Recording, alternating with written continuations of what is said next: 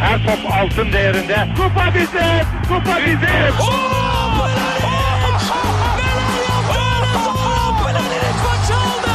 Dengeli de attı. İsabeti de buldu. Matta Fontervi. Zora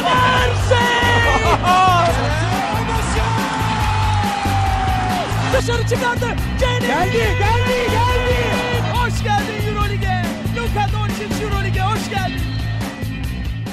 İkili Oyun'un 134. bölümüne hoş geldiniz. Ben Serkan Mutlu. Mikrofonun diğer ucunda kader ortağım, can dostum Tancan Fümen var. Selam Tancan, ne haber abi?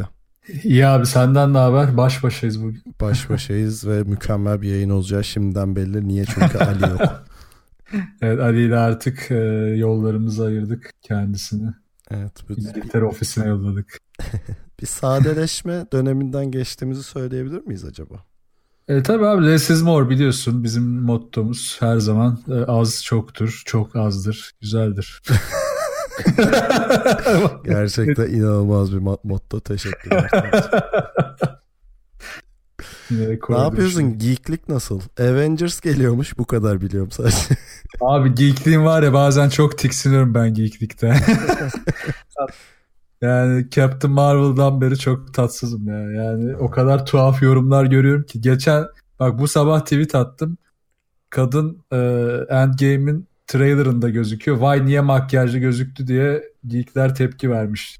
Makyajsız mı olması gerekiyor? Bilmiyorum. O kadar saçma ki yani. O, o kadar saçma. Peki bu Avengers niye bu kadar önemli? Gerçekten dalga geçmek için sormuyorum. Baya yabancıyım yani. E, finale doğru gidiyor şimdi her şey. Bütün e, bilmem kaç yıldır yarattıkları evrenin finaline gidiyorlar. O yüzden Avengers'ın son filmi çok kritik oldu. Ha bitiyor mu? Yani bir finale gelecek ama sonrasında MCU ne olacak daha net bir şey yok. Muhtemelen bir yere kadar daha devam edecek ama şekil mi değiştirecek? Burada bitirip mi devam edecekler? Yeni bir şeyle mi devam edecekler? Belli değil ama bir bitiş olacak yani. Bir en azından bir ara bitiş olacak. Anladım. Ee, çok cahil olduğum konular bir ara belki bit bittikten sonra izlerim. Hepsini arda arda izledik. Beynin Yani yansın. Öyle bir şey yaparım yani. Boş ver ya vakit kaybı sanma. Neyse bizim konularımız daha güzel. Basketbol konuşacağız. Aynen abi gel yardıralım biz. Böyle nefretleri çekeyim mi? Dandik sinema filmlerini konuşmayız falan diye. Yok abi haklısın ya. Bence hiç de çekmezsin yani. abi şöyle söyleyeyim zaten. Nolan'ın Dark Knight'tan izledin mi? İzledim izledim. E, tamam işte o seri e, işte Begins, Dark Knight yeter. Bütün süper kahraman filmlerine yeter onlar. Ee, yani geyiğe vurmak gibi olmasa Nolan'ın mesela son filmini hiç sevmemiştim ama ilk iki film bayağı seviyorum. Sonuncusu kötüydü evet. Yani biraz fazla polisimiz, canımız, ciğerimiz ve milletimiz muhabbeti yapıyordu mesela son filmde. Biraz orada okşamaya geçmiş. Neyse basketbol e, diyarlarına dönelim. Euroleague konuşacağız. E, özellikle de tabii ki de Anadolu Efes ve Fenerbahçe'nin ikisinin de kazandığı bu haftada ikisinin de oynadığı maçları konuşacağız. Konuşmaya başlamadan önce bize görüş, yorum, öneri, soru iletebileceğiniz ya da bizi takip edebileceğiniz kanallarımızı hatırlatayım. Öncelikle yeni bir haberimiz var. Bundan böyle sorularınızı yani podcast'te cevaplamamızı istediğiniz sorularınızı bir adrese yollayacaksınız biz oradan okuyacağız. Böylece çok daha kolay olacak. Çünkü birincisi şey çok zor oluyordu. Bir sürü kanaldan soru alınca onları toplamak böyle atlıyorduk yani. Ee, ikincisi de yok. Niye birincisi de bilmiyorum. Ee, adres ikilioyun.com slash bölü taksim yani soru. O adrese girin. İşte Euroleague, NBA, ne bileyim hayata dair ya da herhangi bir soru sormak isterseniz e, sorunuzu yazın cevaplayalım. Soru cevap kısmını da podcast'ın sonlarına doğru yapacağız. Tancan Bey'e de uygunsa. tabii tabii. Orada yaparız. Tamam. O zaman e, kanallarımızı hatırlatayım. Web site adresimiz ikiloy.com, mail adresimiz selam at ikiloy.com, Twitter, SoundCloud ve Spotify'da ikili oyun takip etmeyi unutmayın. Basit bir ikili oyun araması bu platformlarda bizi bulmanızı sağlayacak. Ve son olarak Tancan Bey'in Twitch kanalı twitch.tv slash tancan adresinde böyle garip grup filmleri konuşuyorlar. Yok Evet. gerçi sen orada konuşmuyorsun değil mi? Şey başlayacağım ama kısa film yayınları falan yapacağız. Kısa filmlere gireceğim. Güzel, Güzel şeyler var. Güzel bir sinematek ortamı kurdu Tancan. Gidip takip edebilirsiniz. Gelin bekleriz. Deyip e, istersen Makabi maçıyla başlayalım Anadolu Efes'in oynanma sırasından giderek. E, şimdi Fenerbahçe'nin Barcelona ile oynadığı ve olası bir galibiyetinde Efes'in farkı ikiye çıkarmak adına e, mutlaka kazanması gereken ya da kazansa iyi olur maçıydı. E, bu senaryolar gerçekleşti. Tabii ne bağlamda gerçekleşti? Fenerbahçe Barcelona maçı bir sonraki şeyde konuşacağız ama hani Efes'in kazanması çok yararlı olacaktı ki Makabi deplasmanı zor bir deplasman. E, sanırım 7 maçtır yenilmiyordu evinde Makabi. E, ve tabii hani seyircisiyle e, bütünleştiğinde tehlikeli olabilen işte e, şeyi seven, hızlı oynamayı seven e, ve özellikle Wilbeck'in gibi bir skor silahına sahip olan bir takımdan bahsediyoruz. Efes için zor bir deplasman olacağını öngörüyorduk. Benim beklediğimden daha kolay kazandı Efes ama e, şey olarak da hani mesaj olarak da güzel bir maçtı. Yani gidip hani e, deplasmanda zorlandığını bildiğimiz Efes'in gidip bu şartlar altında hele hani playoff potasının ucundan girmeye çalışan Makabi'yi evinde yenmek e, güzel iş oldu Efes adına katılıyor musun? Çok korkuyorduk zaten maçta. Ben de bah ya bahsetmiştim zaten. Bayağı korkuyordum. O yüzden de değerli bir galibiyet olduğuna ben %100 katılıyorum. Ve hatta yani oradaki atmosferden de çok e, Maccabi'nin ki Efes'in sezon başında hatta ilk yarının sonuna doğru da ikinci yarının başında da Euroleague'de bu tip daha böyle tempoyla coşan ki Barcelona deplasmanı buna bir örnek mesela işte taraftarıyla coşan, sahasında coştukça coşan takımlara karşı Efes bir türlü e, sabrını koruyamıyordu. Yani sabrını koruyamadığı için de işte panik şutlar, kötü tercihler başlayıp e, oyundan kopuyordu. Farka gidiyordu maçlar. Ya da işte son çeyreklerde kopuyordu gibi bir durum oluyordu. Bunu ilk kez kırması açısından bence çok iyi oldu. Yani özellikle de playoff bu kadar yaklaşmışken Anadolu Efes ciddi bir sıçrama yaptı bu konuda. Yani mental bir sıçrama yaptı teknik konularda evet gelişme var ama esas olarak bu mental sıçrama bence en değerlisi. Yani buna ben de katılıyorum abi. Yani Efes'in hani sezon başında da konuşuyorduk hep e, potansiyeli belliydi ve çoğu durumda mental olarak oyuna ağırlığını koyamadığı için potansiyelini sahaya yansıtamamasından işte bunda tabii Larkin'in geç ısınmasının yani sezon başında sezonun şu andaki performansından daha uzak bir e, görüntüde olmasının ve başka faktörlerin de etkisi vardı. Ama bu maç genelinde Efes'in sakinliği mesela bütün maç boyunca sadece 7 top kaybı yaptı Efes. Hani evet. ve Makabi orada hiç şey yapmadı. Hani eli falan hiç titremedi. Bir de e, bir istatistik vereyim. Makabi sayı ortalaması 79 olan bir takım. Ki kazandığı maçlardaki sayı ortalaması 82.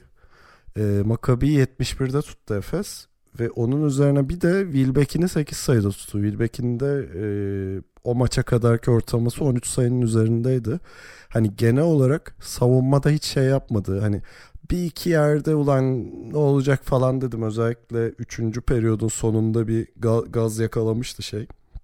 Makabi biraz korktum orada ama Efes e, en değerli şey olan serin kanlılığını maç boyunca korudu. Hani gerideyken de korudu bu arada. Hani 6-7 sayı gerideyken de korudu. korudu. Öne geçtikten sonra da korudu. Hani Euroleague arenasında çok değerli bir şey bu Efes için. Ve sezon içinde kendi kendine bunu öğrenmesi yani oyuncuların kendi kendine bu refleksi geliştirmesi de playoff öncesinde çok e, değerli bir şey oldu Efes adına.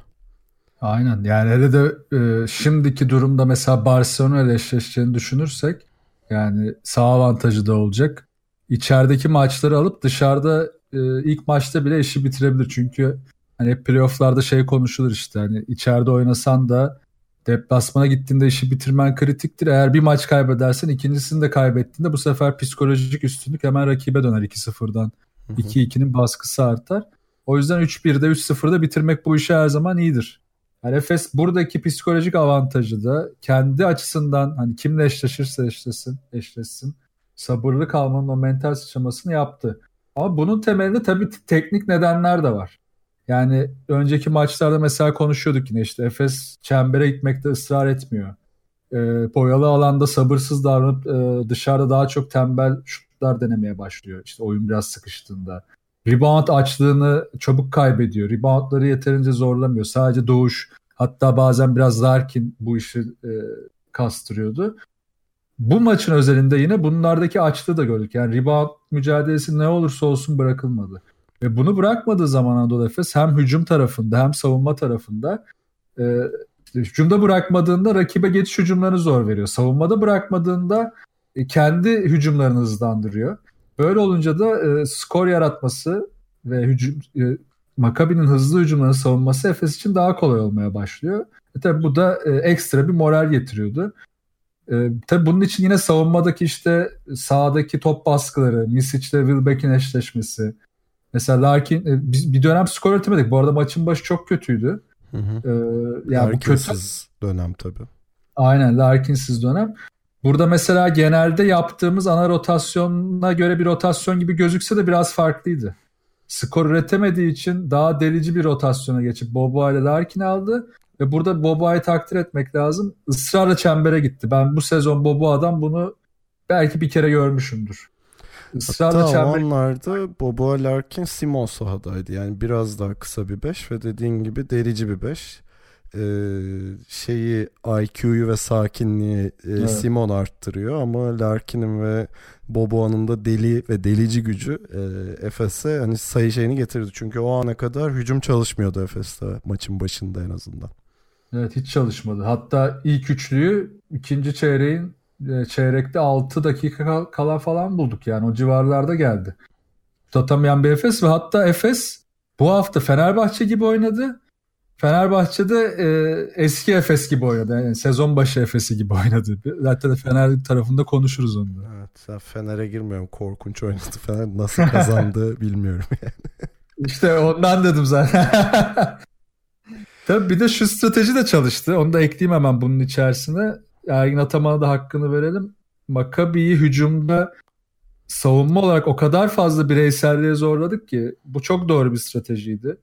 Ee, bu savunmanın da işini kolaylaştırdı. Onların hücum dengesini bozdu. Yani çok iyi başlamalarına rağmen maç ilerledikçe şeyi koruyamadılar ve düştüler. Yani ilk çeyrek 18, ikinci çeyrek 23 sonra 17 ve 13 atarak bitirdiler. Yani Maccabi gibi, Barcelona gibi tempoyu yükseltip bunu kontrol edemeyen takımlar işte savunmada yormak ve o baskıyı asla bırakmamak eninde sonunda maçı getiriyor. Yani o gün kötü oynasanız da ya da kötü başlayıp iyi devam etseniz de size maçı getiriyor. Ben de bu minvalde bir şey söyleyecektim. Efes'in şeyi yapmasını değerli buluyorum. Yani maçın temposunu çok aşırı yükseltmeden ilk yarıyı kora kor ve başa baş geçirmesi çok önemliydi Efes'in.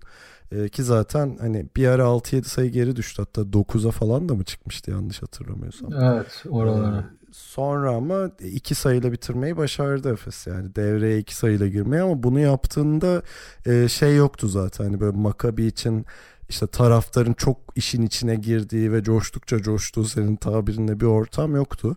Bu Efes'in maçı biraz kontrol altına almasına ya da taraftarla o şeyin e, Makabi takımının arasındaki bağı biraz koparmasına yaradı.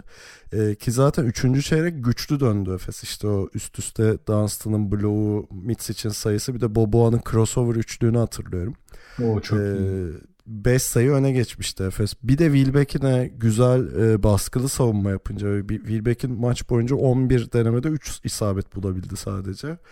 E, böyle olunca 3. çeyrek Efes'in aslında kontrolündeydi. Ta ki işte 3. çeyrek biterken işte üst üste iki top kaybı sonra bir tane hızlı hücum bir de e, son saniyede Tarik Blaine sayısı gelince hani taraftar çok işin içine girdi. Ben orada bir korktum. Yani en istemediğim şey oydu bu maç adına. E, çünkü Maccabi bunu seviyor. Özellikle hani şeyde savunmada baskıyı yapıp kapılan toplarla hızlı çıkma hani bu bu hep taraftarı coşturan bir şeydir ya. Hem oyunu Evet. hızlandıran hem de tabii ki de hani sayı üstüne evet çabuk sayı bulduğun an. E, bu beni bir korkuttu zaten. Üçüncü çeyrek bittiğinde bütün taraftarlar coşmuştu falan. Ama en önemlisi mesela eski Efes dedin ya sen. Eski Efes bu anlarda paniğe kapılıyordu. İşte Mitsic'in Boboa'nın e, sonradan Larkin'in kendi başına bu ya bir sorun var ben bunu çözeyim dediği e, ve şutlar girmeyince de işin boka sardığı bir duruma geçiyordu. Hiç öyle yapmadı Efes. Sakinliğini korudu. Hani rüzgar bir ara Makabi'nin arkasından eski evet, esti evet ama mesela işte bir yerde Larkin e, bir basket faal alıp üstüne bir de el üstü soktu. Efes farkı 9'a çıkardı falan. Hani çok sakin hiç şey yapmadan ve açıkçası benim de rahat izlediğim bir maça dönüştü. Öyle inanılmaz streste yapmadım yani. E, bu anlamda da e, bunun bir playoff mesajı olduğu hani Efes'in oyun anlamında olgunluğunu giderek artırdığı hani bir, bir, de Euroleague'de şu anda şey durum var ya 5. sırayla bir bakayım herhalde 10. sıraya kadar. Evet orası. Hatta 11-12 Jalgiris'in bir de matematiksel olarak şansı var şey için. E, playoff evet. için. Hani o ara, aradaki takımlardan Efes üstün olduğu mesajını vermiş oluyor böylece. Çünkü hani Makabi'nin mutlaka kazanması lazım. Ama ona rağmen Efes gelip tokadı koyup geçebiliyor. Bu, bu çok değerli bir şey. Hani sezon başında buna dair ümidimiz biraz kırılmıştı açıkçası. Ama e, şey oldukça takımın kimyası oturdukça Efes bu reaksiyonları verebilmeye başladı. Ben bunu çok değerli buluyorum. Yani maçın teknik taktik analizinden çok Efes'in bu olgunluğa erişmiş olması beni daha çok sevindiriyor. Ee, ve oyuncuları da bu yine dediğine ek olarak mental olarak daha iyi görmeye başladık sahada. Hani kötü oynanan maçlardan sonrasına baktığında daha keskin kararlar oluyordu ya da maç içinde daha keskin kararlar alınabiliyordu. Mesela Ergin Ataman onda biraz geri adım atmış gibi ya da bu maçta mı öyle denk geldi bilmiyorum ya da ben öyle hissettim. Biraz daha işte eli sıcak olanı sahada tutup ödüllendirmek, o anda kötü oynayan bir oyuncuyu yine de biraz daha sahada tutmak ve onu tekrar e, oyuna so- dahil etmeye çalışmak gibi hamleleri oldu. İşte Boboa buna bir örnek. E, doğuşu kritik anlarda kullanması, Misic'i e, kötü anlarında yine de oyunda tutması vesaire bunlara örnek ama bu işte kalıcı bir şey mi? Yoksa bu maçın mental seviyesi sayesinde bunlar oldu bilmiyorum ama eğer kalıcı bir durumsa bunlar da çok iyi. Bu dediğin konulara e, ekstra bir katkı sağlar. Artı olarak e, pardon bir şey mi diyecektin? Yok yok başka ha. bir şeyden bahsedecektim. Sen devam ha, et. Bir de şeye ekleyeceğim. E, herkes top gelince oynadı abi bu maçta. O çok iyiydi. Yani Fenerbahçe'de görmeye alıştığımız bu sezon onda da onlarda da biraz sekti orası da bu durum. Herkes top gelince oynadı. Ya yani bu ne demek? Yani bir kişi savunmayı eksiltiyor. Topun rotasyonu başlıyor. Top dönüyor doğru şut doğru kişinin eline geldiğinde o hissediyor ve atıyor. Ya da Boboa'nın kendi bireysel denemelerinde bile doğru anları seçmesi. Yani işte mesela o senin de demin o crossover örneğini verdin. Orada Merman çok güzel bir pik yapacakken bir fake gibi kullanıp onu bir anda savunmayı uyutup şutu buldu. Yani onu normalde ne yapardı? Piki zorlayıp e, el üstünden atmaya çalışırdı. Kafasını kullandı. Çünkü o da sıcaktı, hissediyordu, hazırdı. Bunlar da çok güzel işaretler. Hı hı. E tabi bir de Boboa'nın özellikle son dönemdeki performansını düşündüğümüzde hani Maccabi deplasmanında bu performansı göstermesi çok değerli. Ee, şu anda bir baktım son 4 maçta sadece 5 sayı atmıştı Boboa bu maçtan önce. Evet. Ee, hatta denemelerini söyleyeyim sana 3, 6, 8, 13, 15, 16 denemede 2 isabet bulduğu 4 maçtan evet. bahsediyorum. E, gerçekten bir performans düşüşü vardı. Hani şeyden de bağımsız dediğin gibi hani burada ne bileyim 10 e, denemede 5 isabet yakalamış hani. Evet istatistikten de bağımsız e, şut seçimlerinin ve takımla beraber oynama isteğinin öne çıktığı bir maç olması çok değerliydi. Bir de şey tarafında Ergin Ataman tarafında da şeyi gördük. Hani rotasyon daralıyor Efes'te. Bu çok normal yani playoff'a doğru yaklaştıkça ve bu kritik ligdeki maçları oynadıkça rotasyonun daralması çok doğal. Ama mesela Plyce mesela bu maç Plyce'ın maçı değildi. Bunu öngörebilirsin çünkü işte rakip evet. e, sahayı hızlı geçip sayı bulma potansiyeli olan bir e, takım. Orada Plyce biraz geriye düşürebilir takım ya da hani e, şey doğuşun hani süresi de kısıtlıydı ama mesela bu, bu oyuncuları da 3-4 dakika kullanmasına rağmen hep verim aldı işte doğuşun şeyini hatırlıyorum bir tane e, bir ters turnikesi var atletik bitirdi. Bir tane Wilbeck'ine çok iyi savunması var neredeyse son evet. topta 50-55 saniye kadar. O çok iyiydi ya. E, Plyce'ın bir tane üçlüğü var e, ki bu sene bunları daha çok deniyor ve hani o Efes'e bir alan açıyor. E, ama hani böyle ufak pencereler e, sunduğu oyunculardan bile bu mikro katkıları alması daha da değerli oluyor. Hani e, rotasyon daralıyor evet ama Plyce Doğuş gibi belki de rol oyuncuları diyelim bunlara. O oyunculardan aldığı bu katkı iyice değerli oluyor Efes için. Kesinlikle ve bunları doğru anlarda kullanıyor işte. Zaten şunu konuşmuştuk ya yani rotasyonu daraltmayla beraber oyun belli oyuncuların belli maçlara süresinin artması şart. Yani işte Simon'un merkezde olması şart demiştik. Zaten 33 dakika yakın oynadı. Dunstan aynı şekilde. E, Merman zaten o formuyla e, bunu %100 hak ediyor ama mesela Simon ve Dunstan e, kağıt üzerinde belli istatistikleri vermiyor gibi gözükse de onların sahada kalması çok fazla şey etkiliyor. İşte mesela ana bu sab, sabır sabır dedik. O sabrın ana etkenlerinden biri Simon. Yani Simon ne olursa olsun sahadayken o panik anında bak sadece kendi topu değerlendirme açısından değil oyunu konuşarak yönlendirme topu eline aldığında tekrar o şeyi şekillendirme spacing'i şekillendirme açısından da çok değerli. E, Dunstan zaten savunmadaki mücadelesi her zaman için e, Efes'i ayakta tutan konulardan biri ki bu sene çok e, dengesiz kaldı bu konuda. O yüzden bu iki oyuncunun süresinin e, 30 üzerinde kalması özellikle de bu maçlarda daha kolay maçlardan bahsetmiyorum çok önemliydi. Bunu başardılar. Yani inşallah bundan sonrasında devam eder. Ya kesinlikle katılıyorum. Özellikle Simon konusuna. Ben Simon'un Fenerbahçe'deki Melli'ye benzer bir takımın beyni olma. Hani şey gibi artık.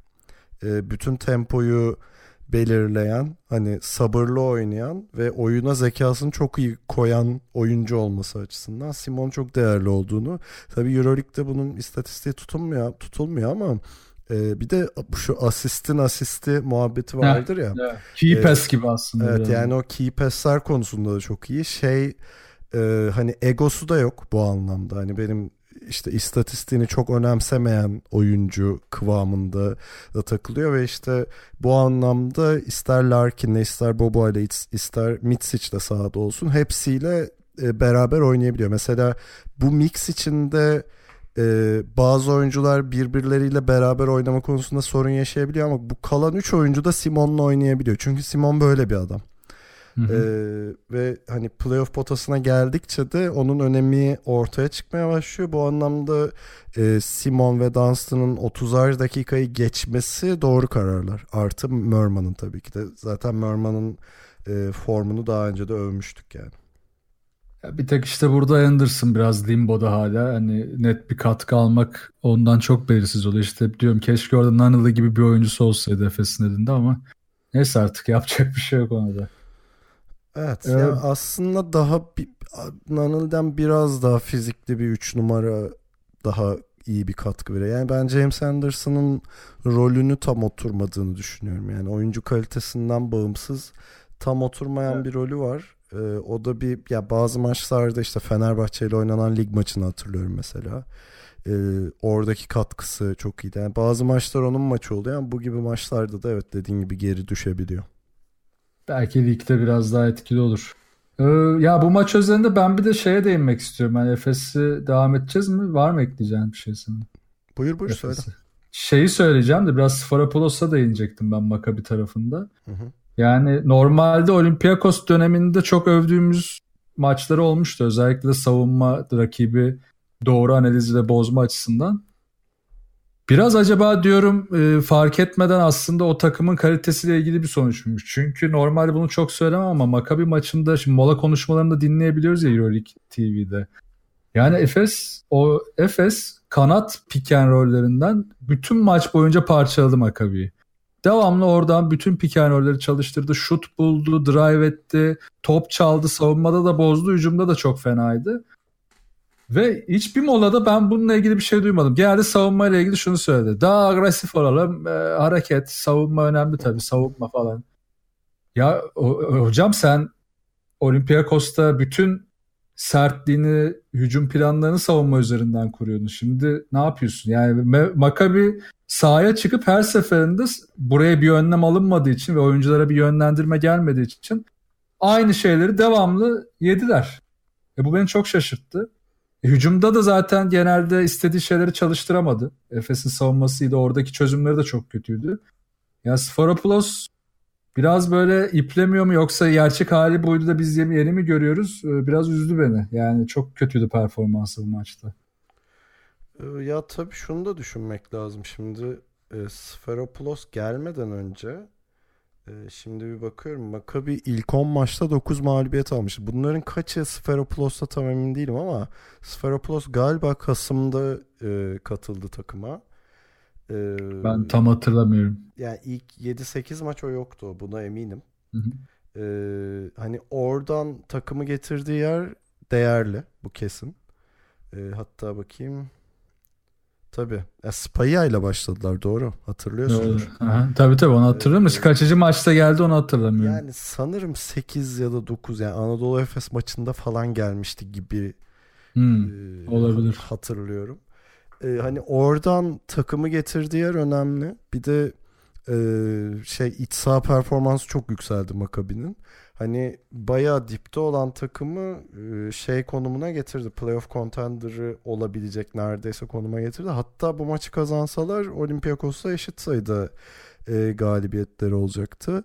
Ama şey haklısın mesela Fenerbahçe maçındaki performansını hatırlıyorum. O maç Sulukas çok iyi oynamıştı.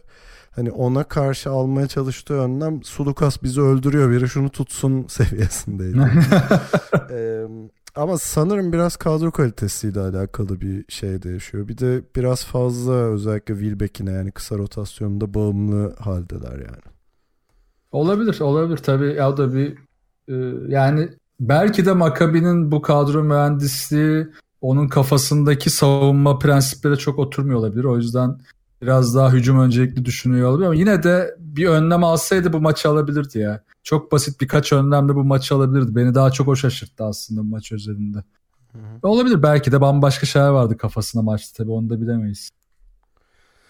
Şimdi Efes bu galibiyeti alarak e, zaten insanlar çok takip ediyor artık Efes'in oradaki kritik durumunu.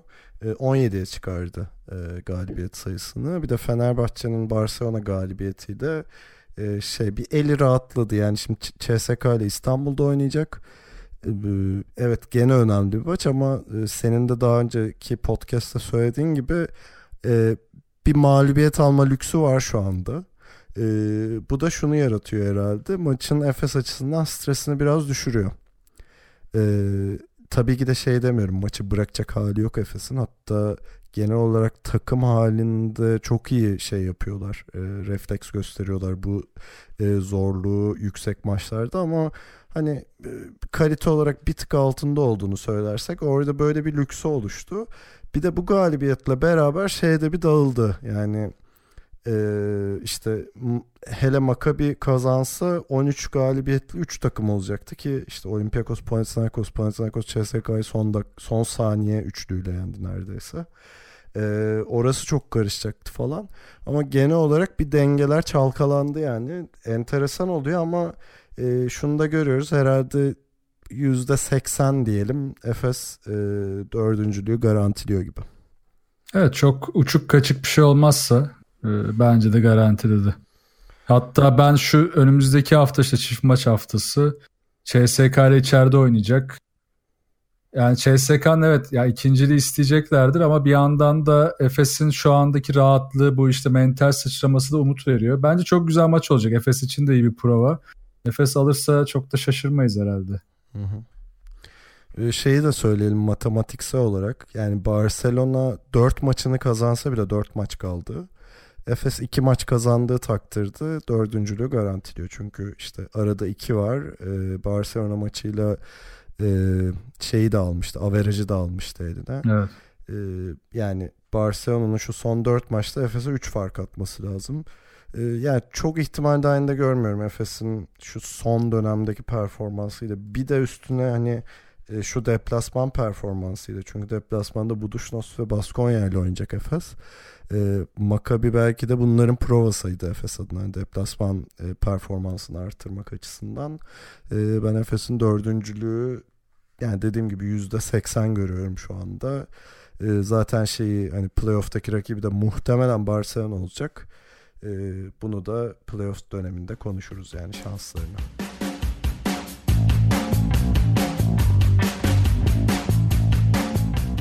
Evet geldik Fenerbahçe'ye.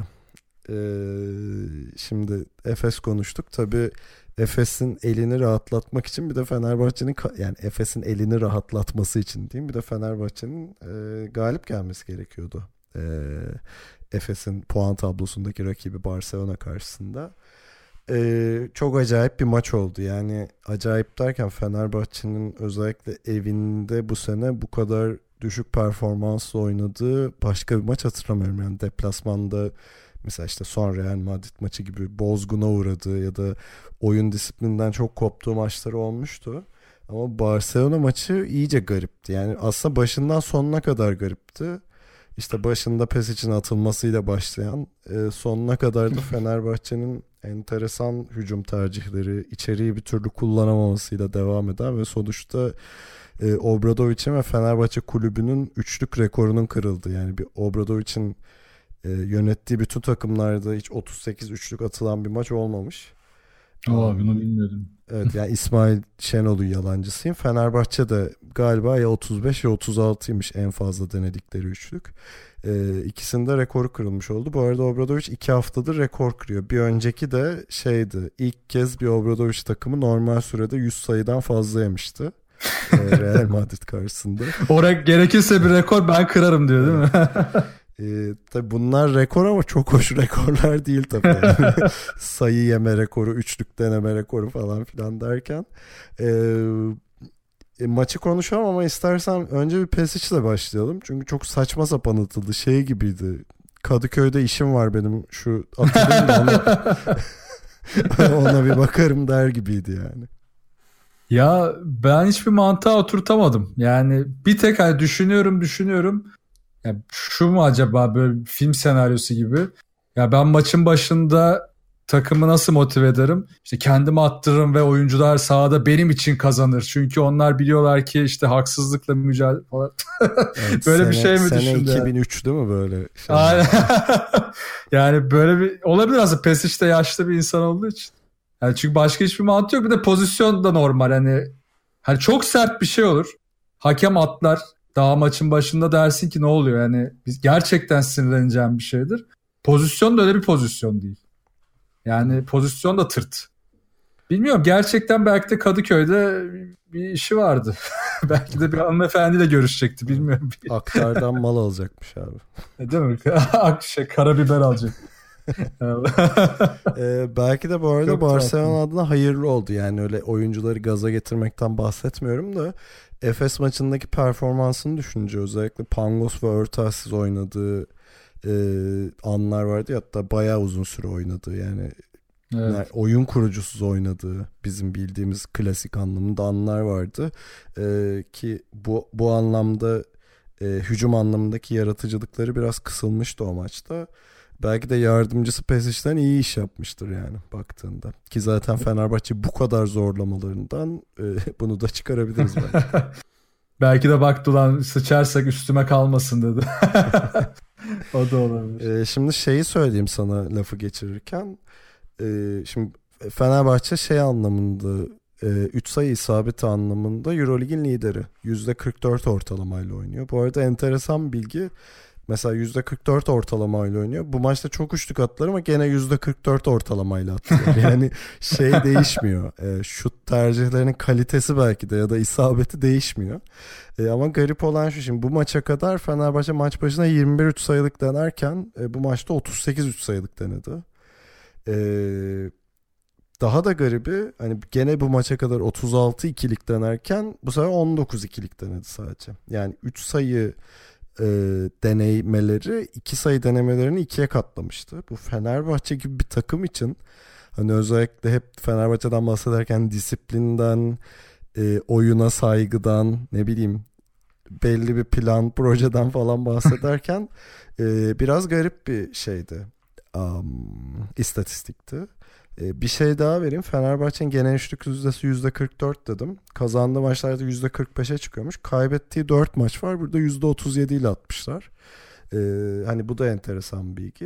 Ee, dediğim gibi bu maçta çok denediler evet ama gene %44 bandında kaldılar ama genel olarak e, uzunlarını çok iyi kullanamayan yani Melli'yi burada ayırıyorum çünkü Melli'nin çok başka bir rolü var ama özellikle e, özellikle Veseli'yi ve sonrasında belki de Ahmet'i e, çok iyi kullanamayan ve sayı yükün anlamında e, Sulukas ve e, Bobby Dixon'a bakan bir Fenerbahçe hüviyeti vardı.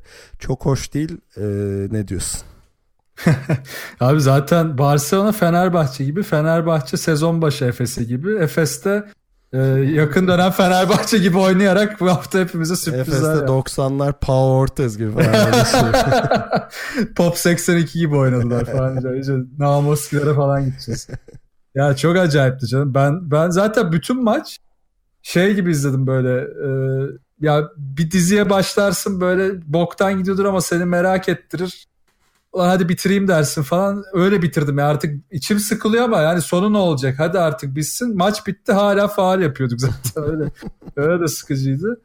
Ee, ya çok tuhaf bir maçtı harbiden her açısından ya ama ben o yüzden biraz maçın gidişatından çok yani teknik konulara değinerek gitmek istiyorum. Yoksa maçın gidişatıyla ilgili konuşursak çok abuk subuk şeyler çıkacak. yani teknik anlamda da Fenerbahçe ya özellikle faal konusunda çok zorlandı. Yani rakibe 32 faal atışı vermek, rakibe işte bu kadar yüzleri çembere yakın sayı vermek hiç Fenerbahçe'nin huyu olan şeyler değil ya. Ki bunu da engellemesinin ilk amacı engellerken ki ilk yöntemi daha doğrusu amacı yanlış oldu. Pick and roll'leri savunmaktır. Savunamadı. E, çembere yakın savunma Melli dışında neredeyse hiç çalışmadı. Ki orada devamlı faal sorunu yaşadık. İşte Wesley de zaten ne zaman çok hızlı 5 faal aldı.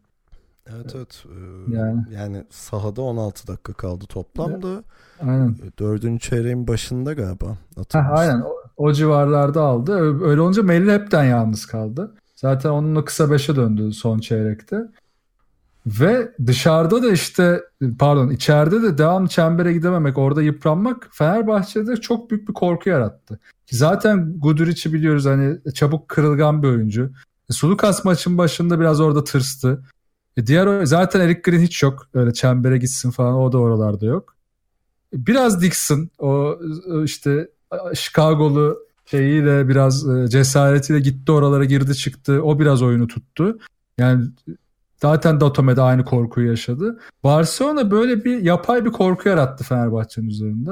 Bunu da bir türlü kıramadı son çeyreğe kadar. Ya ee, tabii bunda şunun katkısı var yani. Ya birincisi Lovern yok. Evet. Ee, ikincisi Veseli sakatlık dönüşü hüviyetini tam olarak bulmuş değil. E, üçüncüsü de Ahmet bu gibi maçlarda yükü kaldıramıyor. Ee, buna Yok, kıyasla buna kıyasla Barcelona'nın e, uzun rotasyonu kuvvetli kaldı Fenerbahçe'ye göre. Hani tamam sezon içinde bir sürü sorun yaşadılar. Ne bileyim Singleton'ın rolü oturmadığı, işte Ante için biraz eski tip bir oyuncu olması vesaire gibisinden bir sürü sorun olmasına rağmen işte Victor Claveri, Oriola'sı, Antetomiç'i, Singleton'ı bunlar genel olarak Fenerbahçe'nin uzunlarıyla olan eşleşmelerinde sorun yarattılar e, Fenerbahçe'ye. E, bu anlamda hani ben zaten biraz kork- korkuyordum bu maçtan önce uzun rotasyonda ne olacağından ki Veseli'nin performansının bu kadar düşük olması oyunun iki tarafından bahsediyorum sadece e, hücumda değil e, Fenerbahçe'yi çok aksattı ve e, şeyin başında dediğim gibi hani birkaç ele kaldı Fenerbahçe'nin başarısı. Ee, şeyi çok iyi paylaşamadılar. Yani adil dağılmadı oyunun yükü oyuncular üzerinde öyle diyeyim. Yok kesinlikle kesinlikle dağılmadı. Ve belli dönemlerde belli yükler hep belli oyuncuların üzerinde kaldı. Orada da işte Sulukas özellikle maçın ya 5'te 5 üçlük muazzam. Ya bu çok e, ekstrem bir performans ama Fenerbahçe'nin zaten e, Vanamaker olmadığından beri yaşadığı ana sorun bu. Yani savunma arttıkça rakipte bireysel yaratıcılığı olmadığı için Fenerbahçe ya da daha doğrusu düşük olduğu için ya bir oyuncunun çok öne çıkması lazım ya da total bir şey yaratmak zorunda ki bu da işte genelde Wesley ile başlayan tetiklemeler işte içerideki pas dolaşımı vesaire onlarla başlıyor. Bunlar da olmayınca Sulukas'a kalıyorsun ya da Dixon'a kalıyorsun. Dixon da artık çok yaşlandığı için Sulukas'ın bu tip ekstrem bir performans yaratması çok önemliydi. E bunu yarattı ama yine bak işte mesela burada Gudur için biraz daha devreye girebilmesi gerekirdi. 6'da bir üçlük attı. Yine yine başa döndük Gudur işte. O bir periyodu çok iyi geçtikten sonra e, bu maçın da zaten dediğim o korkuyu yaşadıktan sonra çok çok hızlı kayboldu gitti. E, ve tercihleri de yine çok kötüydü. Özellikle çembere gitme konusunda vesaire bazı yerlerde çok çok saçmaladı. Zaten, Zaten bir kere gitti çembere. Ya, gerçi o da iyi bir anda. Hani Fenerbahçe'nin e, oyununun kitlendiği 9 sayı geriye düştüğü bir anda bir çembere gitmeyi denedi ama bunu evet. çok daha fazla artırabilir ama zaten bu konuyu o kadar çok konuştuk ki yani. Tabii canım. Artık daha fazla konuşmak istemiyorum Gudur için özgüveni konusunda yani. Aynen aynen onu onu geçtik artık. Ya ilk yarıda zaten takımın işte özgüvenin gittiği de şuradan anlaşılıyor. 11 top kaybı. Toplam 15 top kaybı var zaten. İlk yarıda 11'ini yaptı. Yani çok fazla. Çok fazlaydı. Ee, çok faal yaptı takım. Bar Barcelona devamlı ekstraları buldu. Devamlı rebound force etti. Ee, devamlı ekmeğini taştan çıkardı. Çok zor üçlükleri çok zor anlarda buldu. Fener bunlara da yanıt veremedi ki son çeyrek hariç diyorum yine. Çünkü son çeyrek biraz özel bir çeyrekti. Kaç sayı attık? 36 sayı. 36 evet. yani çok saçma bir skor. Ee, onun dışında bir de şeye eklemek istiyorum. Ee, işte şu es, esas nedeni biraz konuşmamız da lazım. Fenerbahçe bütün sezonu özellikle bu döneme kadar çok üst düzey oynadı. Ee, o kadar üst düzey oynadı ki bu lige de yansıdı. Yabancı oyuncuların formuna da yansıdı. Arada sakatlıklar oldu. Onların dönüşüne de yansıdı. Ve çok büyük bir yorgunluk ortaya çıktı. Yani işte Kalinic özellikle e, ki Melli bile zaman zaman ki en kritik oyuncu olmasına rağmen işte yine Sulukas, Bobby Dixon dediğim gibi zaten yaşlı kısıtlı bir süre oynayabiliyor ama o, o da Datome çok büyük etkisini gösteriyor ki Datome çok çabuk yorulabilen bir oyuncu. Ya bu yorgunluk çok belli ediyor kendini. Ee, ve playoff dönemi, Final Four dönemi yaklaşırken Fenerbahçe'nin dinlenebileceği ya da biraz böyle rejenere olabileceği bir aralık da yok gibi. Yani bu yorgunluğu nasıl atlatacaklar? Mental olarak biraz daha güçlü kalarak mı? Belki lig tarafında ya da son maçlar garantilendikten sonra biraz daha rotasyon yaparak mı? Son belki bir iki maçı daha da boşlayarak geçebilir Fenerbahçe. Bir, bir boşluk lazım. Yoksa oyuncular biraz e, overdose olmuş durumdalar. Çok belli oluyor. Ya bir de işte tekrar olacak ama bu yükün biraz adil dağılması lazım. Yani Fenerbahçe adına en sevmediğim maçlar şu maçlar oluyor. E, skor yükünün Sulukas'ın üzerine bindiği maçlar. Çünkü e, yani bu maçta bu arada Sulukas inanılmaz oynadı. Yani e, geçen haftaki e, Larkin'in performansına şey olarak tabi e, sayı olarak falan yaklaşmış değil ama e, aynı şeyi gördük ya bu maçı ben alacağım galiba dur bakalım anı vardı Sulukas'ın ki bir tane step back üçlüğü var. Of. E, ya inanılmazdı orada Sulukas'ı öyle çok ender görürsün hani, hani böyle 8-10 saniye kala tam ben çözüyorum kararını verdi. Çünkü Sulukas biraz daha spontan bir oyuncu hani öf tamam oyuncu kalmadı ben atayım e, tarzı. hani devamlı hani problemi takımıyla çözmeye çalışan bir oyuncu ama Sulukas'ı böyle 8-10 saniye kala bitirmeye karar verdiği halde çok görmezsin. Onunla başlayan ve artarak devam eden hiç üçlük kaçırmadığı e, şeye potaya çok kararlı gitti ve 11'de asisti var. E, çok özel bir performanstı. Evet ama bu Fenerbahçe için hep iyi haber olmuyor tabii. Yani şimdi e, bu bu maçı çözüyorsun ama e, playoff'u da geçersin bir şekilde ama şey geldiğinde e, Final Four geldiğinde yani o Big League'e geldiğinde e, güçlü rakiplerin seni şey yapabiliyor çözebiliyor. İşte şeyi gördük e, Real Madrid deplasmanındaki çözülmeyi gördük. E, burada hani o adil dağılmama yani aklım Melli'de skorun Sulukas'ta biriktiği hal Fenerbahçe'de şey oluyor. Yani risk noktalarını arttırıyor. Çünkü bu e, diğer oyunculardan aldığın katkı azalıyor. İşte Dixon'dan mesela çok durumsal katkı alabiliyorsun. Hatta çoğu sayısını ilk yarıda attı Dixon yanlış hatırlamıyorsam. Evet. Ee, bu arada e, dinleyicilerden birinin bir sorusu var araya sokmuş olayım e, muhabbeti geliştirmek açısından. Barış Önal'ın sorusu işte Kalinic'in son iki haftadır performansı düş, düş, düştü mü sizce ve bu takımı ne kadar etkiliyor diye. E, kesinlikle düştü. Yani orada diyorum ya bir, bir yükü ayarlama konusu yani hem Kalinic'in hem Datome'nin e, sayı yükün anlamında bir omuz atması gerekiyor. Datome bu maçta evet e, iki tane üçlü var hatta kritik üçlüklerdi onlar. Toplamda da 11 sayı buldu. Evet. E, ama Kalin için mesela son bir iki haftadır bir düşüşü var. Oradaki yük de paylaşılamayınca tabii ki de bu takımı çok etkiliyor. Bunun bir sebebi de sözü geçirmeden bitireyim. E, kısa rotasyonda işte mesela Eric Green ya da sezon başındaki planda Tyler Ennis. Hani o Hı-hı. anlamda sayı katkısının ve delicilik katkısının kısıtlı olması. E, Gudur için orada o rolü çok fazla üstlenememesi. Bunu anlıyorum bu arada. Ve tabii ki de Dixon'ın yaşlanması işte maçın sonlarına doğru şey azalıyor Dixon'dan alabileceğin katkı. Hani bu külliyat biriktirdi, biriktiğinde de bu geliyor Fenerbahçe adına. Yani bu da biraz kırmızı alarmları yakıyor tabii. Yani maçı kazansan da yakıyor maalesef. Hatta Eurolig'in lideri olsan da ve neredeyse belki de %80-90 ihtimalle sezon lider bitirecek olsan da e, çok hoş sinyaller vermiyor sonuna dair. Çünkü işte ana stratejisini bozuyor Fenerbahçe'nin.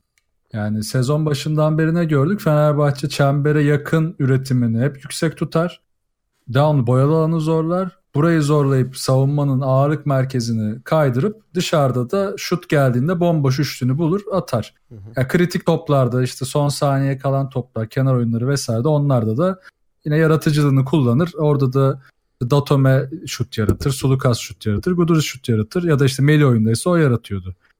Şimdi bunu yapamadığında yani rakibi şimdi bu çembere yakın oyun devamlı işte orayı zorlamak, boyalı alanı topu geçirip devamlı savunmayı, rakip savunmayı hareketli tutmak aslında bir amaca daha hizmet ediyor. Yani rakibi yormak, rakibi yorup onları düzenini bozmak, devamlı e, istim üzerinde tutmak, rakibin stratejilerini engellemeye çalışmak, hızlı oynatmamak. Bunların hepsi aslında Fenerbahçe'nin ana stratejisine hizmet eden şeyler. Bu olmayınca e, Fenerbahçe yumuşak oynamaya başlıyor. Yumuşak oynadıkça da rakip hızlanıyor. Rakip hızlandıkça da işte daha fazla geçiş hücumu, size daha fazla e, kolay sayı, daha fazla faal alma. İşte bu maç onun en büyük örneği oldu. İnanılmaz faal aldılar çünkü Fenerbahçe hem çok kırılgandı maçta hem de çok kötü kararlar aldı. Çok güçsüzdü, çok yorgundu. Genelde bir oyuncu güçsüz ve yorgun hissediyorsa işte Guduric'in mesela yaptığı olduğu yerde oyuncu iter. Wesley aynı şeyi yaptı. Sulukas gitti anlamsızca bir omuz attı falan. Hani bunların hepsi aslında biraz güçsüzlük göstergesi. Yani fiziksel güçsüzlükten bahsediyorum. Yorgunluk göstergesi. Yani böyle şeylerde çözüm aramaya başlıyor oyuncular. Bu da kötü sonuçlara yol açıyor. Bu da işte ana stratejinin bozulmasının nedenleri. Bir Şimdi de böyle tabii olun... şu bozuyor. Hani Hı. E, dedin ya işte mesela bir adamın içeri girmeye çalışarak yardım çekmesi, adam eksiltmesi Tabii. ve Fenerbahçe'nin e, pas trafiğinin başlaması yani Fenerbahçe'nin genel olarak oyun planı. Bunun bir parçası da e, pota altındaki etkinliği Fenerbahçe'nin özellikle evet. Veseli ve bazı maçlarda Loverne. Şimdi bu ikisi de olmadığında hani deliciliğin bütün şeyi Sulukas'a kalmış. E, Veseli işte zaten gördük yani 16 dakika oynadı ama e, performansını gördük. Sadece bir kere pota altında bitirebildi. E, 4 sayısı var. E, işte bir tane pota altında bitirdi. Bir basket faali vardı. E, falan filan. E, Melli'ye bakıyorsun. Melli 13 sayısının 9'unu e, üçlüklerden buldu. Ahmet'in bir smacını hatırlıyorum. Yani o kadar hatırlanabilir ki çünkü o kadar kullanamadı yani pot altında uzunlarını Fenerbahçe. E böyle olunca da işte 19 ikilik 38 üçlük denemesine kalmış oldu. Yani bu anlamda Fenerbahçe'nin oyun planının çok dışına çıktığı bir maçtı. E, yani tekrar edeyim hoş değil. e tabi bu da bir test bir anlamda hoş değil. Şu şu dediğin aslında çok doğruydu bir bir önceki yorumunda. Fenerbahçe bu tip maçları bu tip oyun değiştirerek ya da mecbur kaldığı oyunları oynayarak alabilir. Ama Real Madrid gelince işte alamıyorsun. Ya bunun örneğini geçen hafta yaşadık yani fark oldu direkt. Yani sadece maçı hücuma çevirerek ya da sadece e, yüzleri üçlük atmaya çalışarak bunu çözemezsin. Ha bir de çünkü bak şimdi e, Barcelona tarafında aslında koç eksikliği şöyle de vardı biraz. Hani Pesic de olsa çok fark eder mi bilmiyorum. Lasso Fenerbahçe'de işte Melli üzerindeki stratejileri bozmaya hedefleyerek birçok şeyi çözmüştü. Barcelona pek bunu yapamadı. Neden? Çünkü Melli sahada skor üretemese de hücum tarafında o yaptığı backpickler, açtığı alanlar, üzerine gidip e, yaptığı doğru koşularla oyuncuları doğru yönlendirmesi, e, bunları da çok yüksek e, oranda iyi yapmasıyla Melih'e iki tane üçlük attırdı zaten. E, geldi ondan sonra e, içeride çok kritik reboundlar aldı. E, yine yaptığı katlarda çok iyi pozisyonlar açtı. Datome açtığı pozisyon var. E şimdi bunları bozamazsan e, zaten Fenerbahçe'nin eninde sonunda yeniyor ama Real Madrid seni bozar işte. Bak CSK da bozamayabilir ama Real Madrid bozar. Çünkü akıllı bir koç var karşında. O yüzden, o yüzden de Fenerbahçe'nin çözümü günün sonunda sadece Melli ve Sulukas'a kaldığında e, iki kişiyi mi savunmak daha kolay yoksa total bir takımın oyununu mu savunmak daha kolay? E tabii ki iki kişiyi savunmak kolaya geliyor. O yüzden de Fenerbahçe'nin bu yöntemle Final Four'da başarısı çok zor. E, zar atmak olur özetle. Yani belki de iki şeyden bahsederiz. Birincisi Melih'in e, zor anlarda aldığı rol. E, iki tane çok kritik üçlü var. Özellikle ikincisi e, fark 3'e inmişken 55 saniye 1 dakika gibi bir şey kalmışken Aa, e, evet. köşeden el üstü buldu. Yani çok çabuk çıkardı elinden orada topu. E, o çok değerliydi. Yani orada sadece 7 dakika sahada kalmasına rağmen e, hani eli soğuk değildi. E, o anlamda çok iyi. Bir de herhalde iyi haber hani Fenerbahçe'yi bu kadar eleştirdiğimiz hani bu kadar oyun planının dışına çıktı dediğimiz bir ortamda bile maç kazanabilmesi ve kazandığı maçta işte Barcelona yani ilk 5'te olan bir takıma karşı olması hani bu gene de iyi haber ama bu tabii şeyi gösteriyor senin Eurolig'in büyük takımlarından biri olduğunu gösteriyor zaten buna dair bir şüphesi yoktu kimsenin. Yani tabii kesinlikle. Of. Yani Fenerbahçe ile ilgili söyleyeceğim başka bir şey var mı diye düşünüyorum da galiba yok benim. Yani bir de son olarak bu, o maçın sonundaki faulleri tam anlamadım. Yani maç böyle 3-4 kere bitti dedik. Hepsinde de bir fauller, mağluller bir şeyler yani e, orada ya. da bir şey akıl tutulması yaşadı yani takım. Genel. Ya çok kötüydü ya ve hani biraz da hakemleri de okumak lazım ya. Yani hakemlere hemen bok atılır. Buna alıştık artık da. Ya Lamonica iyi maç yönetti. Maç boyunca da belli şeylere izin verdi, belli şeylere de izin vermedi. Özellikle de rebound pozisyonlarındaki itmelere, kalkmalara neredeyse hiç müsamaha göstermedi. E bunu bile bile hala son reboundda Melli gitti faal yaptı rakibini. Bu arada Çok katılıyorum. La Monica hani şeyi konuşmuşuzdur hep bazı maçlarda maçın önüne geçmeyi sever. Evet. Ama ne olursa olsun bir yandan da adil bir heriftir. Yani mesela şey çok önemli. Ev sahibi takımın taraftarından çok etkilenmez. Takmaz yani oradaki atmosferi. Evet. Ee, burada da şeyi ezdirmediler. Hakem üçlüsünden biri bayağı gençti. Hatta Pesic onun üstüne yürüdü yani. Bence evet. bu arada Pesic'in ceza alması lazım. Yani kabadayılık yaptı hakeme. Kesinlikle. Ee, yani onu da ezdirmemesi falan. Ben Lamonica'nın performansını gayet beğendim. Yani Fenerbahçe'nin okuyamadığı görüşüne katılıyorum. Şeye ne diyorsun? Ee, Rockets GM'i oradaydı Mori. Aa, Kim, evet. Kimi izliyordu sence? Valla herhalde e, Biberovic izlemeye gelmemiştir. ya me, Melli, Melli falan izliyordur herhalde. Yani rakipte de e, Kuriç kaçtıydı ya ben yanlış bir bakayım hemen. Yani Kuriç de genç değil o kadar. Bilmiyorum yani çok da izleyecek bir adam yoktu sahada Melli. 89'luymuş. Yani Kuriç de olamaz. E, muhtemelen Melli izlemeye gelmiştir. Singleton'ı falan geri götürmeyecekse. evet. Aklıma fazla da biri gelmiyor. Melli diye gelip Sulukas'ı alıp gidecek. Suluk. Valla değil mi? Şeyde işte e, seni Harden'ın yedeği yapacağız, yaşatacağız seni deyip götürüyormuş onu. e, Godur için de çok izlenecek bir yanı yoktu. Onu da izleyecekse arada belki ona da bakmıştır ama e, temel Melli gibi geldi bana. Ya da ucuz, ha, ucuz uçak, uçak bileti falan bulup gelmiş yani. Değil mi? Hazır e, İstanbul'da göreyim seviyorum demiş. Ya Hörtel'e gelmiştir belki ne bileyim. Hörtel gibi ha. dünya starını canlı izlemek biliyorsun çok e, özel bir şey. Bu arada ya Örtel yermeyi çok sevmiyorum ama biraz vurun abalıya gibi oldu. Bu maçta Ben çok... seviyorum valla. Bu maçta da çok şey yaptı ya. Üst üste top kayıp kayıpları. Melli'den yediği bir blok var. Gerçi sonra Örtay yerine Pangos'u aldı. Onun oyuna sokamadığı bir top var falan. ee, orada Barcelona'da bir dağıldı yani hani şeyden. Oyun kurucularından o katkıyı alamayınca. Ya Hörtel yine biraz sabotesini yaptı canım. Yani 9'da bir sonda işte o yediği blok top kaybı vesaire. Ya Barcelona burada şey tercihini sezon başından beri yapamadı. İşte Singleton'ı kötü kullanıyor dedik vesaire ama kısa rotasyonunda da işte yani Hörtel Pangos ikilisini de yan yana da kullanamıyor, dönüşümde kullanamıyor. Madem Hörtel'li sen bu kadar ağırlıklı kullanacaktın Pangos yerine belki başka bir kısa alsaydın ne bileyim. Ee, ya da Pangos'a ağırlık verip Hörtel'in süresini kıssaydın. Çünkü ikisi de süre alarak tempoya ritme giren oyuncular. Bence çok yanlış yapıyorlar burada ama artık tabii sezonun da sonu geldi yapacak bir şey yok. Peki Fenerbahçe maçı böyleydi. Son kısa arayı verelim. Ee, sonrasında birkaç izleyici pardon dinleyici ne izleyicisi izleyici Tancan'ım var bizim yok. Aa estağfurullah. ee, birkaç dinleyici sorusu alıp e, bitirelim.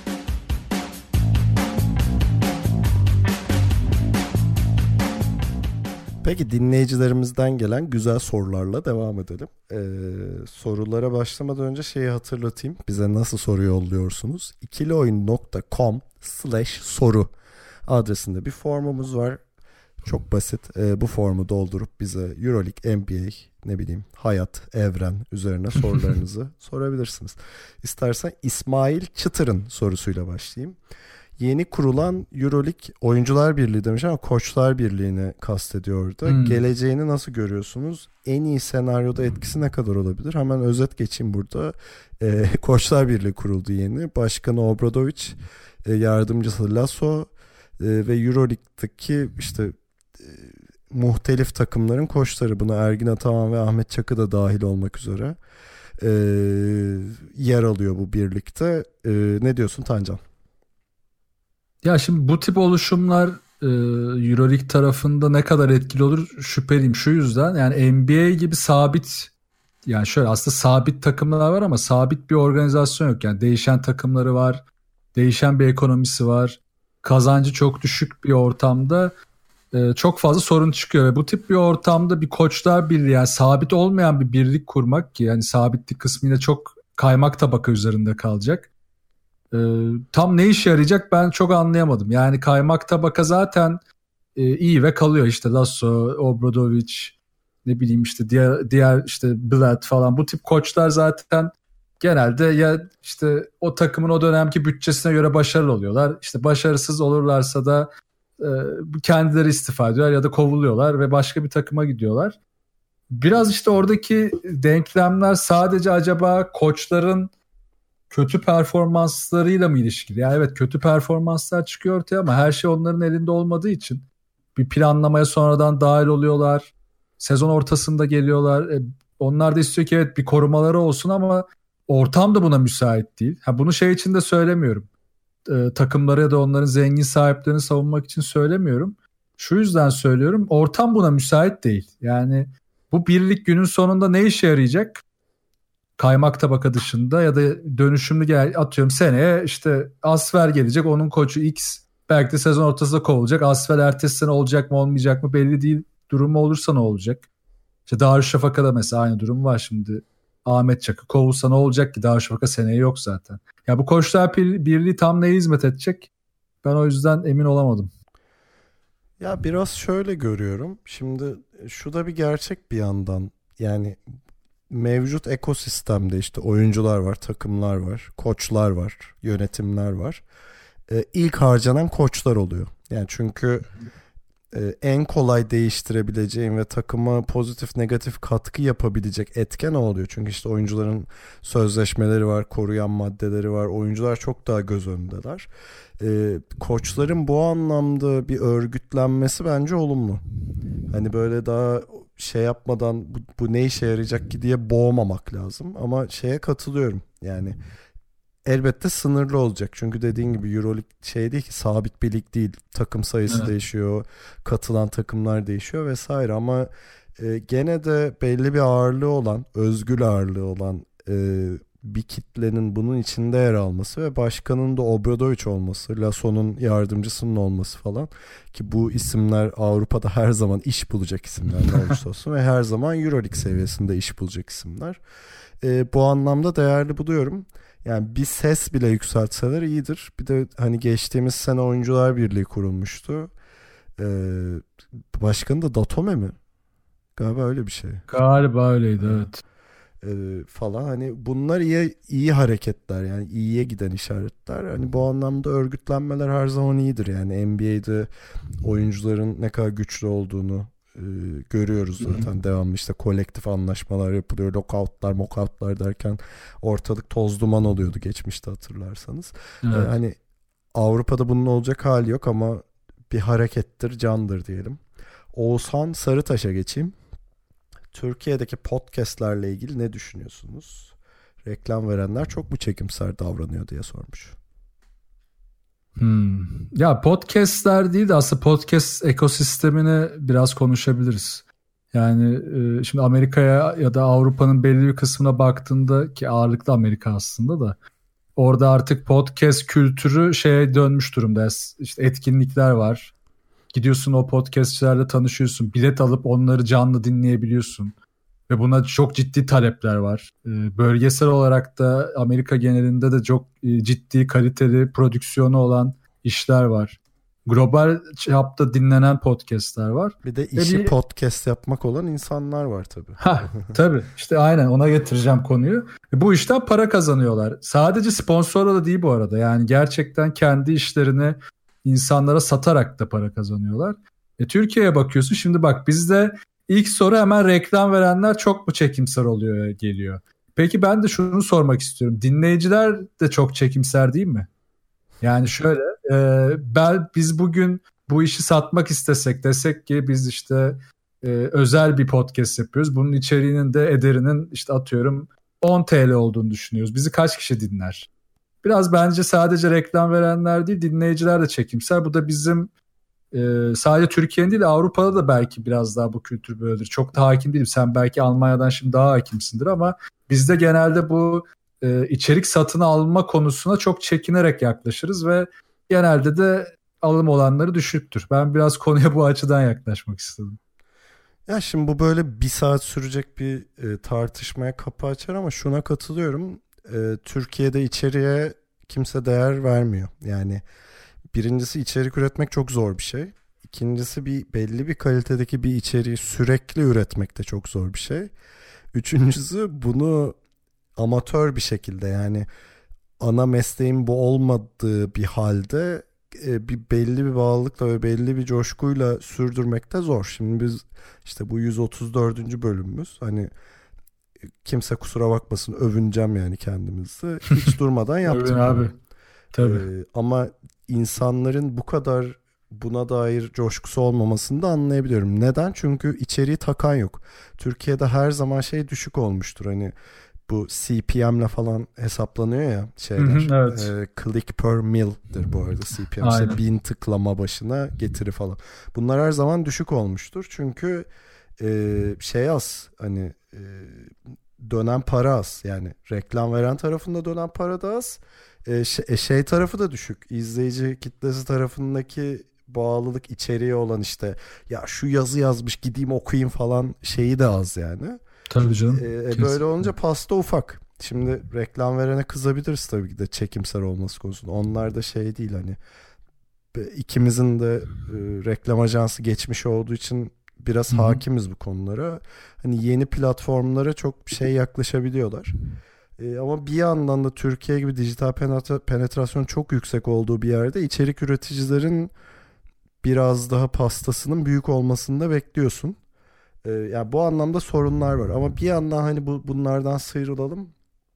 Podcast sayısının artması güzel bir şey tabii.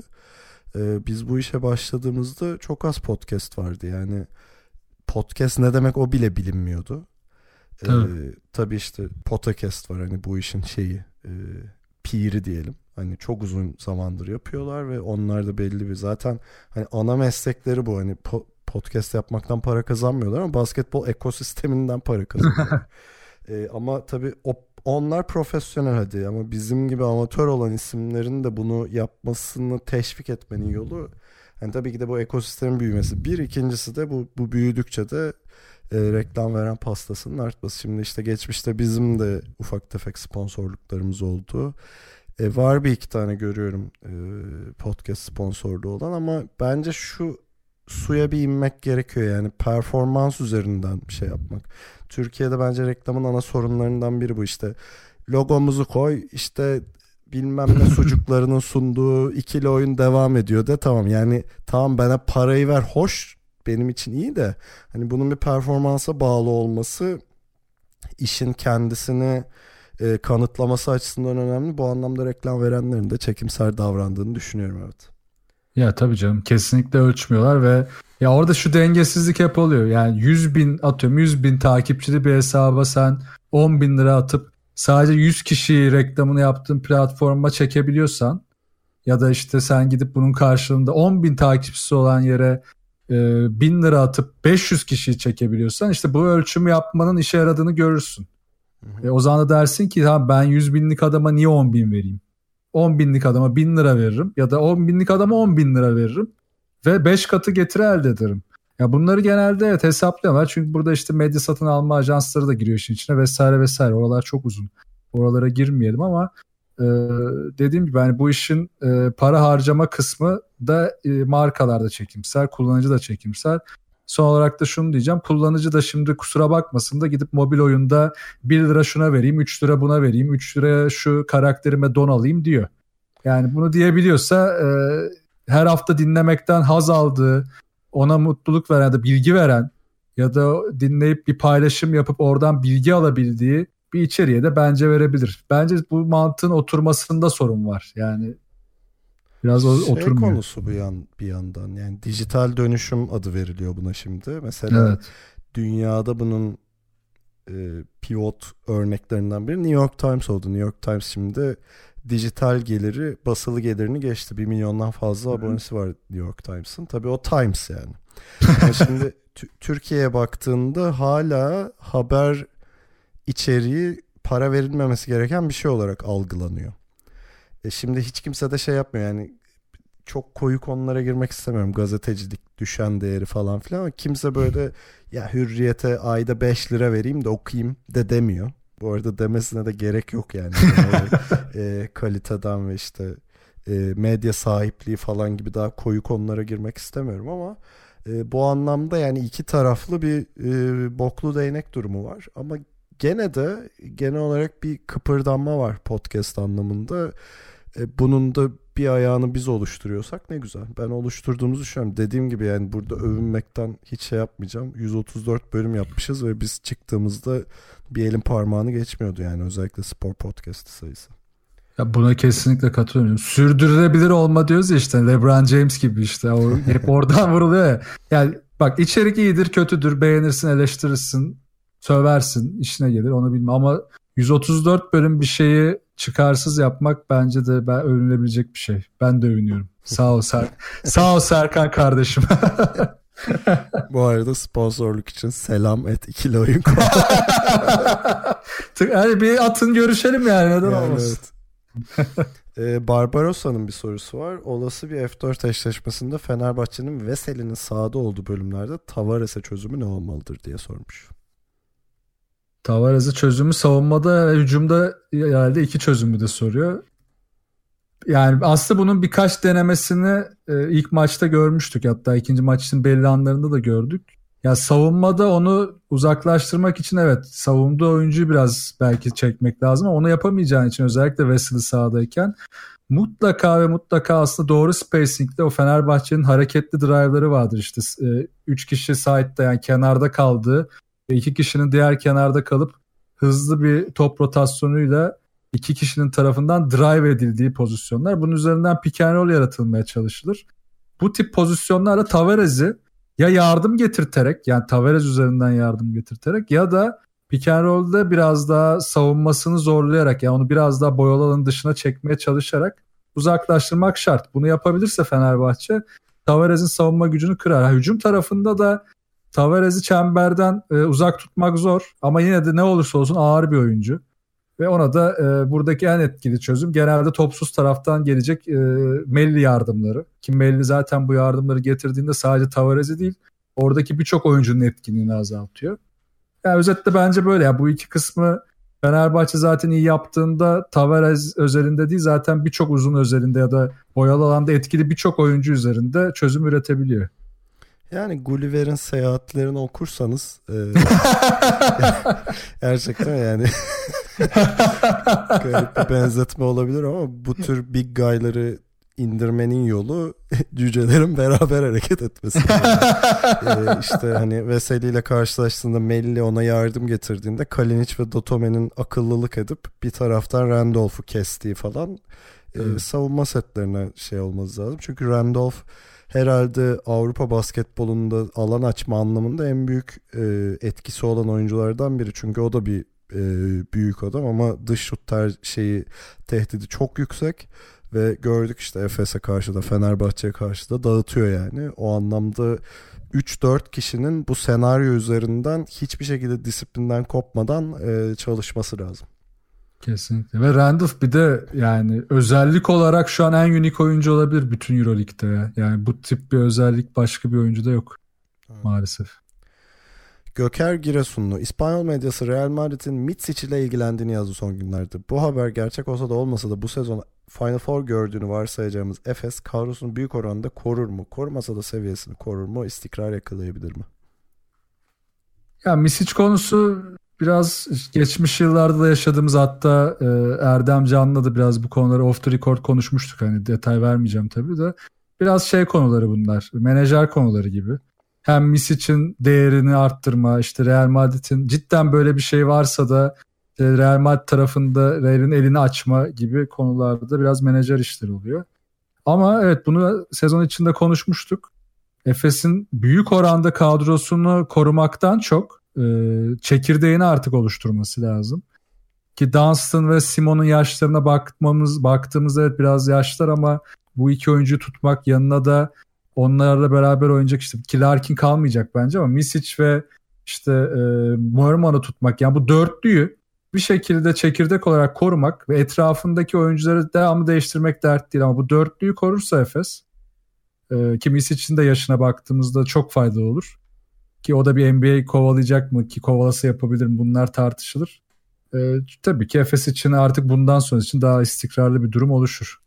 Ya ben de Larkin'in gideceğini düşünüyorum. Kesinlikle NBA'yi deneyecektir, tekrar zorlayacaktır. E, şeye de katılıyorum yani Dunstan, e, Mitsic, Merman ve Simon. E, yani bu dörtlü üzerinden bir çekirdek kurması şart ve zaten Efes'in şu anki rakiplerine baktığımızda işte Fenerbahçe, Real Madrid ve CSK hep zaten bu çekirdeğini koruyup e, sezon içindeki e, değişikliklere de ekstra takviyelerle e, şey yapan destek atan takımlar bunlar. Efes'in de bu hüviyete bürünmesi lazım. Bürüneceğini düşünüyorum. Yani bence Mitsic bir yere gitmez. Ee, Larkin, Dunstan e, pardon Larkin değil Dunstan, Simon ve e, Merman'ı tutmakta o kadar zor olmasa gerek yani Efes için. Zaten yani Dunstan'la sene... sözleşme yapmışlardı ya. Bir seneden uzun evet, evet. diye hatırlıyorum. Dunstan'ın var ben de öyle hatırlıyorum. Diğerlerini çok hatırlayamadım şu anda ama zaten Final Four'da gelirse bu sene oyuncular da heveslenir biraz da. Buğra, çağın gerisindeki üçgen hücumları sadece çizgisel olarak Avrupa'da görmemiz oyuncu aklının yeterli olmamasından dolayı mı yoksa iki uzunla hala oynanmasından dolayı mı?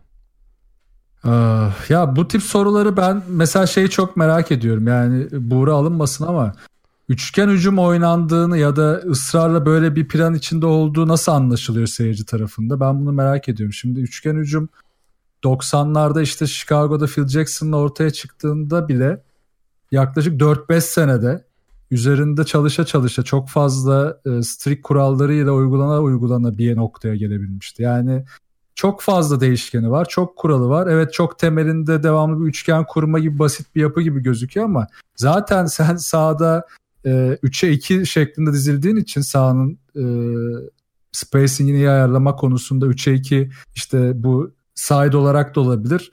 E, up and under şeklinde de olabilir. E, devamlı 3'e 2 diziliyorsun. Zaten bir üçgen ve ikili durumu var. Bunlar üçgen hücum demek değildir. O yüzden hani bunu ben şeyle karıştır. Tam onu diyecektim abi. Kim üçgen hücum yapıyor ki? Yani eğer şuysa karıştırmamak lazım. Uzaydaki 3 nokta yani sahadaki 3 adam evet bir üçgen oluşturuyor. Üçgen hücum yaptığı anlamına gelmiyor yani. Bence e, YouTube'da triangle offense falan yazıp daha teknik e, şey konusunda bilgi sahibi olabilir. Ben Avrupa'da üçgen hücum yapıyor diyeceğim bir takım yok mesela benim. Yok kesinlikle ya. Yani kimse de uğraşmaz bununla. Yani e, zaten koçlar artık pick and roll ile çalıştırıyor her şeyi. Herkes drive'lar üzerinden, savunmayı bozma üzerinden hızlanmaya çalışıyor. Ki Avrupa yavaş kaldı.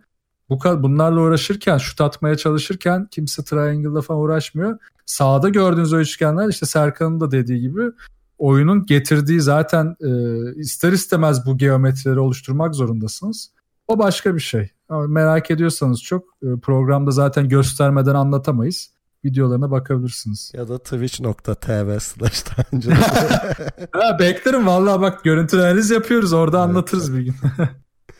e, Can Düz'ün bir sorusu var ama buna şimdi cevap vermeyeceğiz. Can'a teşekkür edeyim. Sorusunu okuyayım ama e, Efes'in olası Barcelona eşleşmesi hakkındaki düşünceleriniz nelerdir? Eksiklikleri, iyi yönleri neler bu takımın?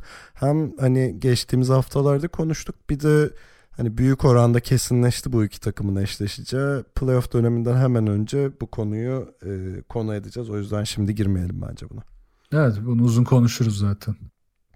Ee, ama sorularınız için çok teşekkür ederiz. Ee, tekrar edeyim ikilioyun.com slash soru adresinden e, bize soru göndermeyi e, düşünün. ne diyeceğim bulamadım. Bunu da bir değerlendirin. Bir Bak soru güzel. ee, hani biz de bu konuda özellikle her programın e, içine bu soru olayını yedirmeye çalışacağız. Geçmişte biraz e, tembel davrandığımız programlar oldu. Biraz daha disiplinli olacağız bu konuda. Söz veriyoruz size. Hatta ee, bir yerlere de IBAN'ımızı mı yazsak hani yardım falan. Abi reklam verenler çok tedirgin. Ee, peki yavaştan kapatalım. Kapatırken e, bizi takip edebileceğiniz e, kanallarımızı hatırlatayım. Şeyi tekrar hatır söylüyorum. ikiloyun.com slash soru adresinden bize sorularınızı iletebilirsiniz. Web sitesi adresimiz ikiloyun.com, mail adresimiz selam et ikiloyun.com, Twitter, SoundCloud ve Spotify'da ufak bir ikili oyun aramasıyla e, bizi takip edebilir ve yeni bölümlerimizden haberdar olabilirsiniz. Ve son olarak Tancan Füme'nin muazzam Twitch kanalı Triangle Offense'in kalbi twitch.tv slash Tancan adresinde güzel görüntü analizler oluyor. Kaçırmayın diyelim. Beklerim vallahi gelin. Evet. Ee, peki bir sonraki yayınımız NBA üzerine olacak ve sanırım Ali gene olmayacak. Biraz kafa izni verdik kendisine. Kaçtı kaçtı. Evet burada. kaçtı. Ama bir sonraki yayında görüşene kadar kendinize iyi bakın ve hoşçakalın. Görüşürüz.